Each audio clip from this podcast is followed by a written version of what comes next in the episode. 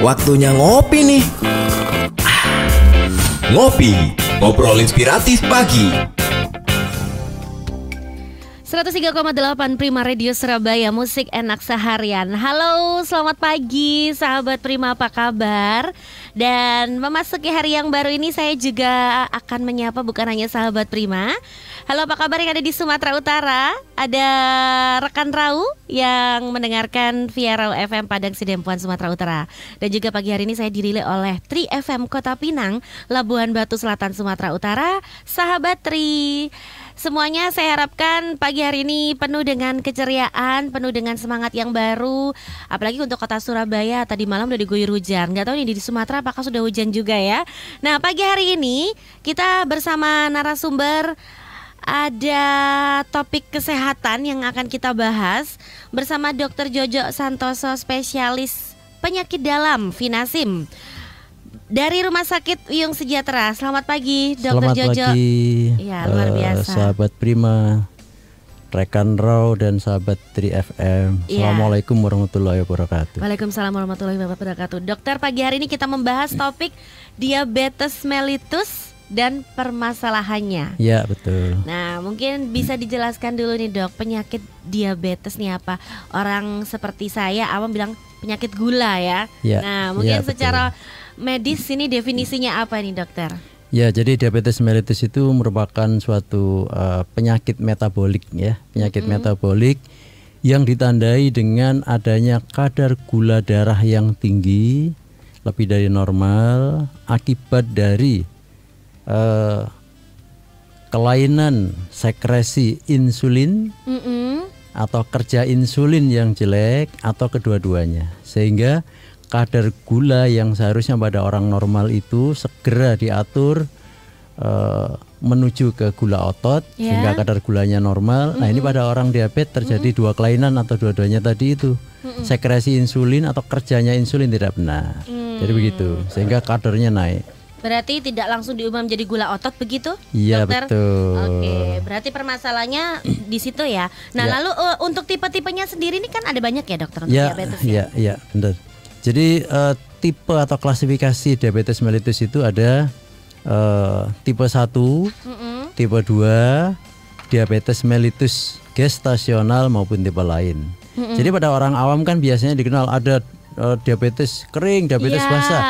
Itu tidak gitu. ada itu. Oh, nggak ada. Yang benar itu adalah tipe 1. Uh-uh. Tipe 1 itu adalah di mana dia eh, akibat kelainan autoimun Mm-mm. Adanya kerusakan sel beta pankreas sehingga terjadi defisiensi atau kekurangan insulin. Nah, ini mutlak wajib menggunakan yang namanya insulin. Hmm. Kemudian tipe 2. Kita dua itu bervariasi. Eh biasanya selain eh, terjadi kerusakan pada sel beta pankreas, itu juga adanya eh, kelainan pada insulinnya. Jadi insulinnya itu reseptornya itu tumpul. Jumlahnya cukup tapi kerjanya tidak baik. Oke. Atau kekurangan jumlah insulin Iya. akibat kerusakan sel beta pankreas yang tidak disebabkan autoimun. Oh, berarti bedanya cuma di autoimun tadi itu ya, Iya. dokter ya. Nah untuk ini tipe 1 tipe 2. eh, kalau tipe 2 ini masih bisa tanpa insulin atau diabetes yang tidak tergantung insulin. Hmm, tapi kalau tipe 1 wajib, Wajib. diberi ah, insulin. iya. Oke. Nah, Yang paling banyak di Ya. eh, Di- masyarakat derita kita di masyarakat. dunia ini adalah tipe 2. Tipe 2 Ya, yang tanpa nanti kita insulin ya. perbincangan adalah yang tipe 2. Nah, tadi dokter sempat singgung nih kalau di Hmm. masyarakat nih diabetes basah, diabetes kering. Nah, untuk yang tipe 1 ini penampakannya atau yang kelihatannya itu yang mana nih, Ya, Dok? ciri-cirinya ya. Iya, ciri-cirinya. Jadi kalau tipe 1 itu biasanya dimulai dari sejak bayi bisa atau masa kecil dia Mm-mm, ya eh, sebelum beranjak sebelum beranjak dewasa. Mm-mm. Dan itu terlihat sekali dia mudah kelelahan, berat badan makin turun, sering sakit-sakitan. Hmm. Nah itu eh, oleh karena eh, daya tahan tubuh pada penderita dengan kadar gula yang cukup tinggi itu kan menurun atau Iya. jadi imunokompromis Iya. itu. Kalau untuk tipe 2? Kalau untuk tipe 2, kalau untuk tipe 2 itu terjadi pada dewasa biasanya akibat dari lifestyle yang paling sering Gaya hidup ya. gaya hidup terutama adalah makanan-makanan, minuman-minuman yang serba manis Hmm. Nah itu yang paling sering. Berarti untuk tipe 2 ini biasanya kalau oh masih usianya baru meng- apa menginjak kepala tiga udah terkena diabetes ini yang biasanya tipe 2 ini Tipe dok? 2 itu yang paling banyak ya. terjadi di masyarakat. Oke, Betul. nah berarti ini dalam dalam penanganan medisnya juga berbeda ya dok ya untuk tipe 1 dan tipe 2 ini ya dok ya. Ya eh, memang eh, sangat berbeda karena yang satu itu sangat tergantung insulin. Insulin yang Kalau kedua, yang kedua tanpa insulin tanpa insulin pun bisa. Tapi sekarang ini eh, insulin lebih dini lebih bagus karena disinyalir akan eh, meminimalisir komplikasi-komplikasi yang lebih lanjut. Nah, oh iya sebenarnya kenapa, eh, kita belum berbicara mengenai bagaimana ciri-ciri atau eh, eh, apa gejala-gejala Iya, iya, orang gejala. diabetes. Itu penting Gejala, sekali iya. karena eh, jangan-jangan di antara kita Nah, kena diabetes tapi tidak merasa. tidak terasa. Nah, ini yang harus kita eh, perhatikan. Gejalanya apa sama? Tipe 1 dan Eh, tipe 2? Kalau di tipe 1 eh, kita aja bicara tipe 2 saja. Tipe 2 saja Kalau tipe ya? 2, Oke. tipe 1 kan jarang. Iya. Yang tipe 2 aja. Jadi yang tipe 2 ini kriteria diabetes mellitus itu yang pertama ada muncul 3P ya, Mm-mm, poliuri. Poliuri itu banyak kencing. mm, Kemudian polidipsi mm-mm, itu adalah eh, selalu haus, minum terus. mm. Kemudian terjadi penurunan berat badan yang tidak diketahui penyebabnya. Dari gemuk tiba-tiba kok kurus saya ya. Terus kemudian ada gejala eh, penurunan berat badan, polidipsi itu haus sama sering banyak kencingnya. Nah itu. Jadi harus bedakan. Dia minum banyak terus banyak kencing atau meskipun tidak minum banyak orang diabetes itu Kencing. tetap kencingnya banyak sehingga dia kering kulitnya itu. Nah itu eh, ciri-cirinya. Nah bagaimana diagnosanya? Iya. Nah bagaimana mendiagnosanya? Jadi eh, selain ada 3P tadi itu polidipsi, poliuri, penurunan berat badan, maka eh, sering kali kan oh kadar gula saya sekian. Nah ini yang berapa sih kadar gula yang pas untuk seseorang jatuh kepada vonis kencing manis? Hmm. Gula darah puasa itu lebih atau sama dengan 126. Kemudian gula darah acaknya lebih dari 200 Mm-mm. atau kadar gula darah 2 jam setelah makan lebih dari 200. Nah, untuk eh, tes yang bisa dilakukan untuk memeriksa diabetes ini sebenarnya dari usia berapa nih dokter?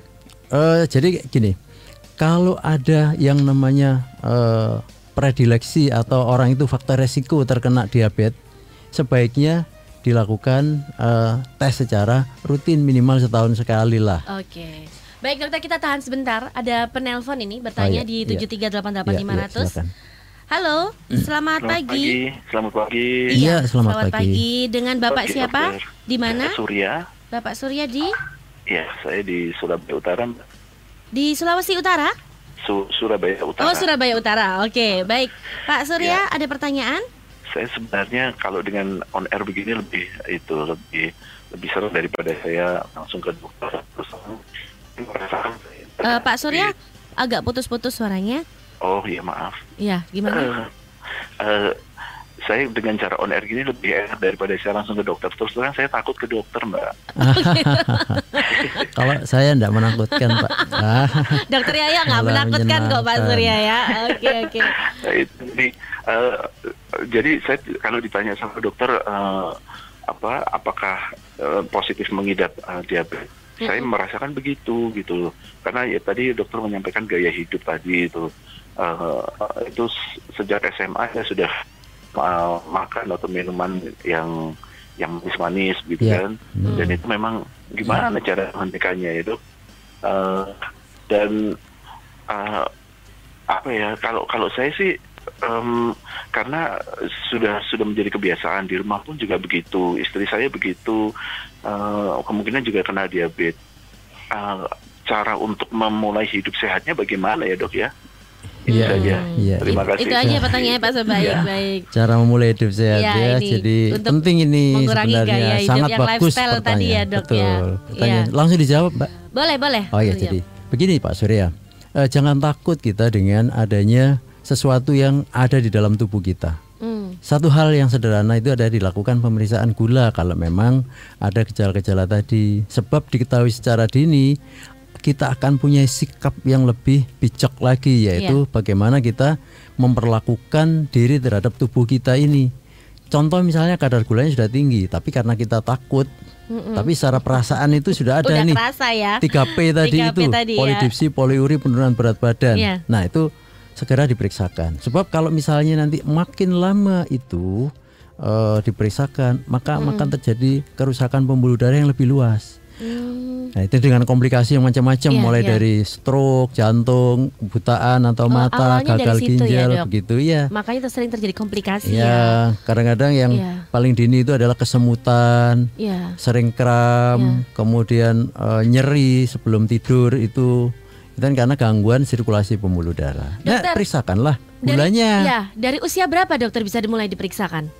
Eh, kalau ada gejala yang tadi itu, Oh, saya gitu pernah ya. menemui itu Ya, paling eh, muda umur paling Dok? 17 tahun itu ada. 17 tahun tuh Iya, usia SMA, Dok? SMA betul. Sudah ada ya? Dia obesitas, kemudian tiba-tiba dalam waktu enam bulan dia merasakan sering kelelahan padahal masih muda. Mm. Kemudian berat badan menurun. Sering kencing dok, saya itu nggak ukuran meskipun minumnya sedikit. Nah itulah diperiksakan ternyata kadar gulanya baik. Ya sorry, kadar, Kadar gulanya gulanya tinggi. tinggi. Tadi seperti yang saya sampaikan tadi gula darah puasanya lebih dari 126 Hmm. atau gula darah acaknya lebih dari, 200. ya. Nah itu sudah kena kencing manis dengan adanya tiga gejala tadi. Masih nah SMA ini kita ya. waspada.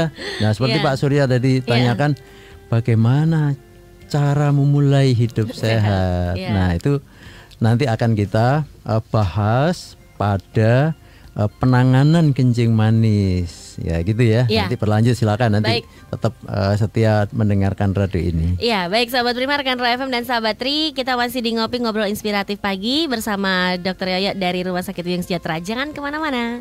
Waktunya ngopi nih. Ngopi, ngobrol inspiratif pagi.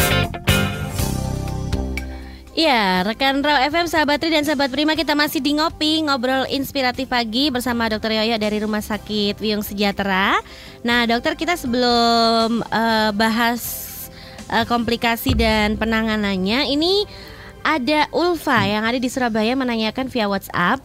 eh, ini menanyakan perihal penyakit alergi saya pada kaki. Iya, iya gimana? Lukanya membekas hingga berwarna hitam, terkadang kering dan putih. Apakah ini juga pengaruh dari diabetes mellitus? Gitu. Ya, ya, ya. eh, Pertama kali dipastikan dulu apakah memang dia seorang penderita diabetes mellitus yang kebetulan juga mengalami alergi, Hmm. ataukah dia diabetesnya bagus hanya karena dia mengalami kelainan kulit saja. Jadi tidak semua luka menghitam itu eh, pasti kena diabetes. Tidak harus dipastikan dulu kadar gula eh, puasa, gula darah setelah makan atau gula darah aja atau yang sekarang ini eh, eh, banyak diperiksa itu adalah HbA1c. Hmm. HbA1c itu eh, dikatakan diabetes kalau lebih dari 6,5 Hmm. ya. Ada eh, kadar gula eh sorry, kadar A1C antara 5,7 sampai 6,4 ini enggak kena diabetes tetapi pre-diabetes. Nah, menjelang diabetes. Oh ada ya dok? Ya, pre-diabetes itu Iya. eh, belum muncul tanda-tanda diabetes seperti polidipsi, poliuri, penurunan berat badan badan. belum muncul. Iya. Tapi sudah muncul yang namanya HbA1c. Kalau dia lifestyle-nya, pola makannya, pola minumnya Hmm. Tidak baik, eksesnya sudah tidak baik, maka muncul yang namanya diabetes betulan nanti. Hmm. Pre-diabetes ini adalah warning sebenarnya. A1c. Nah kalau untuk muncul A1C tadi yang pradiabetes, eh, ketika kita cek gula darah kelihatan dok? Kadar gulanya kadang-kadang eh, normal di salah satu. Misalnya, gula darah puasanya tinggi Mm-mm. di atas 126, tapi gula darah setelah makan Normal. ternyata normal. Oh. Atau sebaliknya, gula darah puasanya eh, normal, gula darah setelah makan agak tinggi, Oh, tapi nggak tinggi, nggak sangat tinggi. tinggi. dan belum muncul kriteria atau eh, muncul gejala-gejala klinik tadi itu Iya. 3P, Iya. sehingga dia masih dikategori belum dikategorikan kencing manis tapi pre-diabetes itu. Baik. Dokter kita ke Oh, saya ada lagi pertanyaan ini, Dokter. Ya, silakan. nah, eh, apakah keluarga yang punya riwayat penyakit diabetes itu eh, ada kemungkinan ini untuk keturunannya yang lain atau keluarga yang lain ini juga iya. terkena. Ini gitu. banyak nih pertanyaan ini dan Iya. kadang-kadang dijadikan sebagai alasan bahwa saya itu karena punya keturunan. Iya. Nah, Padahal lifestyle-nya. faktor penyebab atau faktor Iya. resiko selain keturunan itu juga gaya hidupnya, Iya. jarang olahraga, stres, kemudian pola makannya.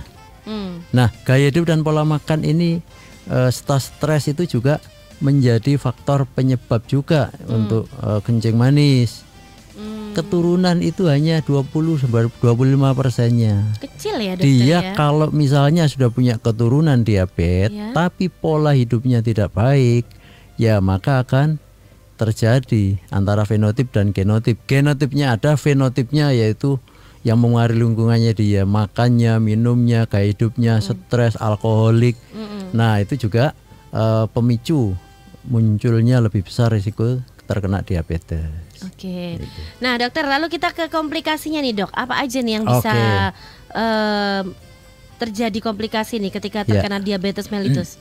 Jadi eh, secara garis besar komplikasi itu eh, oleh karena berkaitan dengan pembuluh darah, Ya. ya, pembuluh darah atau eh, ada dua mikroangiopati, makroangiopati. Mikroangiopati itu pembuluh darah kecil, jadi pembuluh darah atau sel endotelnya itu terjadi eh, gangguan atau komplikasi.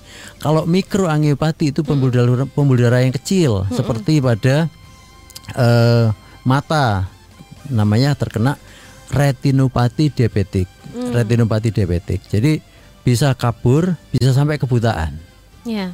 Kemudian terjadi nepropati diabetik ya nepro itu adalah ginjal Hmm. nepropati berarti kelainan ginjal akibat diabetes Hmm. oleh karena terjadi eh, kerusakan pembuluh darah di daerah ginjal atau diabetik neuropati neuropati neuro itu saraf Saraf. jadi kelainan saraf, kesemutan, tebel, kadang tidak terasa atau nyeri pada waktu menjelang tidur oleh karena dia nggak aktivitas. Begitu aktivitas hilang. Itu mikroangiopati. Nah, yang komplikasi makroangiopati pembuluh darah yang besar itu adalah otak seperti stroke. Hmm. Terus kemudian di kardiovaskuler atau jantung terjadi penyakit jantung koroner, cardiovascular disease.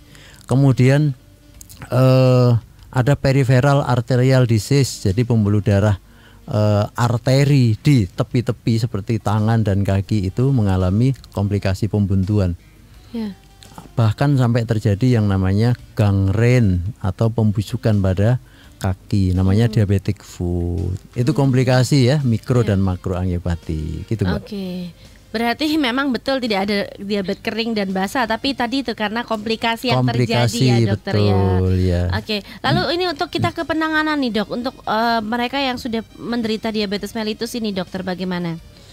Eh, jadi sebenarnya kita harus tahu eh, empat pilar manajemen pada penderita diabetes mellitus atau penyakit metabolik yang lain. Ya. Ya, secara garis besar yaitu edukasinya harus benar. Nah, seperti Pak Surya tadi itu takut, tidak perlu takut karena justru malah ketika ada pertanyaan bagaimana cara memulai hidup sehat, itu kita harus memerangi apa yang ada dalam tubuh kita yaitu misalnya ada kelainan, ada keluhan-keluhan, ada sesuatu yang tidak benar. Edukasinya yang benar. Ya. Apanya eh, apa maksudnya edukasi yang benar? Dia punya pengetahuan yang baik tentang penyakit itu. Jadi bukan menjadi momok. Hmm. Misalnya ada diabetes atau hipertensi, kadar kolesterol tinggi, asam urat tinggi, ada kelainan jantung atau penyakit jantung koroner, ginjal dan sebagainya. Tidak usah takut. Ya. Inilah pentingnya edukasi. Dengan edukasi yang benar, maka kita bersegera untuk memeriksakan diri.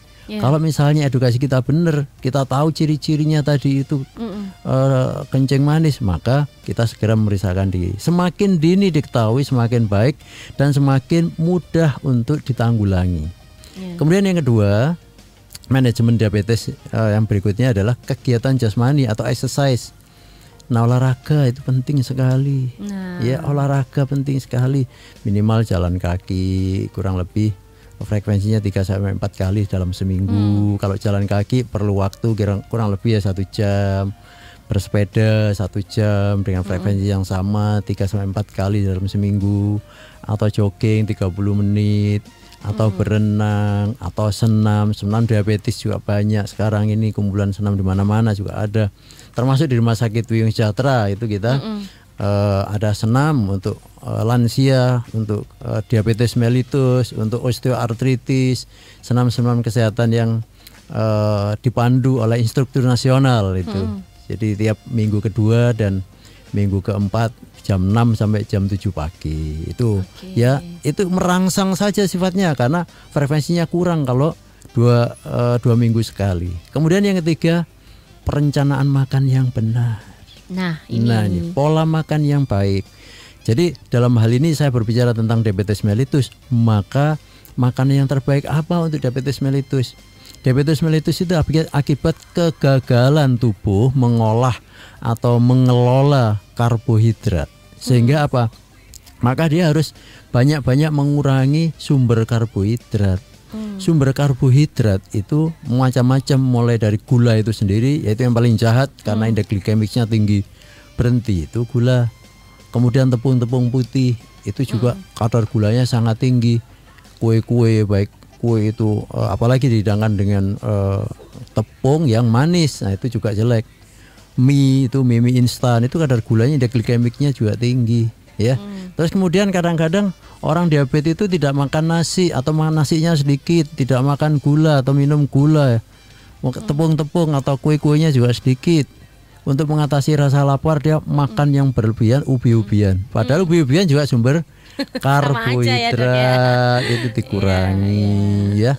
Selain tadi itu nutrisi makanan, minuman juga penting. Oke. Oh, iya, ya minuman juga penting. Tidak semua air minum itu punya kualitas yang baik untuk tubuh kita, Hmm. ya. Nah, minuman yang terbaik itu harus kita eh, eh, upayakan Air masuk putih ke ya? dalam tubuh kita, ya, dengan minimal air putih yang terbaik itu 2 sampai 3 liter sehari sesuai dengan berat badan. Kemudian yang terakhir penanganan diabetes mellitus adalah obat anti diabetik dan insulin. Jadi kalau kita lihat manajemen diabetes itu ada empat, edukasi, exercise, nutrisi, obat.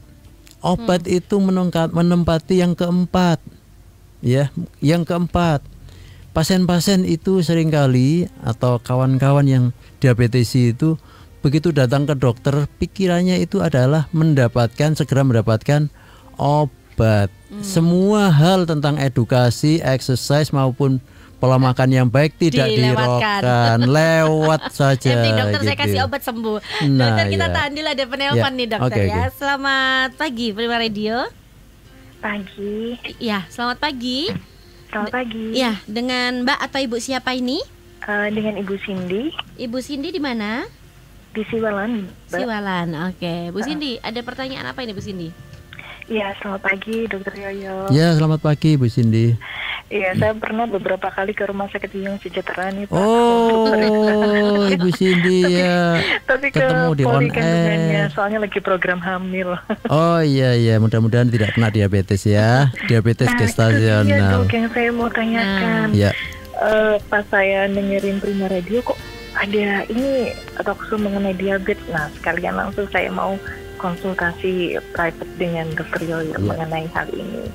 Gini Gimana, dok, ini kan eh, sudah sekitar 10 tahun menikah Iya. dan belum dikarunia anak, makanya kan ini mau menjalankan program hamil- dan lain sebagainya. Tapi permasalahannya adalah eh, saya sudah terkena diabetes yang kedua. Eh, Oh iya sudah ya. Uh, uh, dan yang mau saya tanyakan adalah apakah orang yang terkena diabetes itu susah hamil? Terus yang kedua, apakah kalau misalkan uh, punya riwayat atau mungkin keluarga yang diabetes dan lain sebagainya itu mm, mengharuskan kita lebih aware lagi terhadap diabetes sehingga kalau bisa dibilang program hamil yang saya lakukan beberapa kali itu kayaknya nggak ada hasil gitu dok. Apakah itu pemicu salah satu faktor ada diabetesnya? Terus kalau toh mungkin bisa hamil, tips-tipsnya apa saja sih dok supaya mencegah eh, istilahnya itu keguguran atau eh, komplikasi dan lain sebagainya ketika hamil kan pengennya eh, 10 tahun menikah ketika dikaruniai kan pengennya hamil eh, secara normal dan bisa selamat sampai ke dunia gitu sih guys. Iya iya iya iya. Itu aja, Itu aja sih, Bu Cindy Mbak Ira, pertanyaannya. Baik, ditunggu di radio jawabannya kasih ya. dokter. Ya, Ya. terima kasih. Dokter untuk pertanyaan, eh, untuk jawaban dari untuk Bu Cindy ditahan dulu. Kita nanti Ya. masuk ke segmen 3 nih dokter ya. Oke. Baik, sahabat Prima, rekan Roy FM dan sahabat Tri, kita masih di ngopi ngobrol inspiratif pagi. Jangan ke mana-mana. 103,8 Prima Radio. Musik enak seharian Nggak kerasa nih dokter ya kita udah di segmen terakhir nih dokter ya. Iya, iya, nah eh, tadi pertanyaan dari Ibu Cindy dok mungkin bisa dijawab nih. Ini juga eh, menjadi ketakutan bagi ibu hamil nih pada- biasanya kan begitu nih. Waduh jangan sampai Iya, iya. pada saat hamil lalu gula darah tinggi. Nah ini silakan dijawab Nah, nih dokter. kalau ya. kasus dari Bu Cindy tadi yang Iya. saya tangkap adalah eh, dia ini lama tidak punya anak Mm-mm. akibat dia menderita diabetes mellitus. Ya. Jadi eh, pertanyaan Bu Cindy tadi, apakah diabetes mellitus itu berpengaruh terhadap Hmm. kesuburannya sehingga eh, lama atau sulit mendapatkan anak? Jadi memang pada pasien-pasien diabetes mellitus secara umum, ya eh, terjadi yang namanya banyak penumpukan radikal bebas di dalam tubuhnya Hmm. radikal bebas itu eh, menyebabkan berbagai macam eh, keluhan ya dan eh, radikal bebas ini akan memicu yang namanya eh, mediator proinflamasi. Apa itu mediator proinflamasi? Mediator proinflamasi adalah eh, terjadi keradangan luas pada eh, tubuh seorang penderita diabetes mellitus. Ya. Yang paling sering terjadi keradangan itu adalah pada pembuluh darah. Nah, pembuluh darah dalam hal ini eh, memainkan peranan penting sehingga nanti akan muncul banyak eh, eh, keluhan-keluhan. Nah, pada kasus Ibu Cindy, kenapa kok saya lama nggak punya anak? Ya. Selain diabetes, juga mungkin ada penyakit-penyakit lain yang menjadi resiko sulitnya punya anak. Penyakit autoimun perlu diperiksa. Hmm. Kalau diabetes mellitus sebenarnya cukup eh, eh, sederhana walaupun tidak mudah, yaitu mengatur kadar gula yang baik pada kondisi yang optimal. Kadar gula puasa diupayakan di bawah 110. Kadar setelah eh, gula darah setelah makan dibu- diupayakan di bawah 140. A1C di bawah 6,7. Kemudian kalau diperiksa LED-nya itu dia harus normal, laju endap darahnya.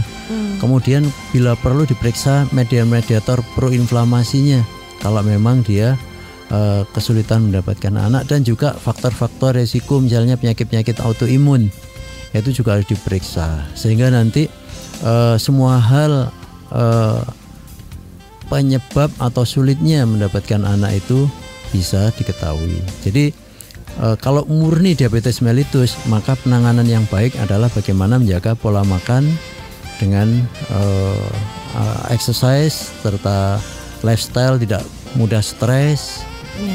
dan eh, gulanya dengan kadar optimal. Gula darah puasa di bawah 110 gula darah 2 jam setelah makan di bawah 140 dengan kondisi lab yang normal tadi itu A1C-nya, LED-nya sehingga nanti kita bisa optimal menyiapkan ibu untuk bisa eh, lebih mudah hamil. Kalau murni diabetes saja saya rasa bisa diatasi insya Allah. Oke, baik dokter karena kita udah masuk segmen terakhir ini mungkin bisa disimpulkan untuk topik kita pagi hari ini Ya. sambil mungkin eh, dokter kalau ada sahabat Prima rekan Roy FM ini yang ingin datang berobat ke Rumah Sakit Wiyung Sejahtera ini ada apa saja di sana fasilitas apa aja pelayanan apa aja dan promo apa aja nih Oh Silakan, ya dokter. baik, Eh, saya sendiri sebagai eh, internis atau penyakit dalam di Rumah Sakit Wiyung Sejahtera yang beralamat di Jalan Raya Wiyung.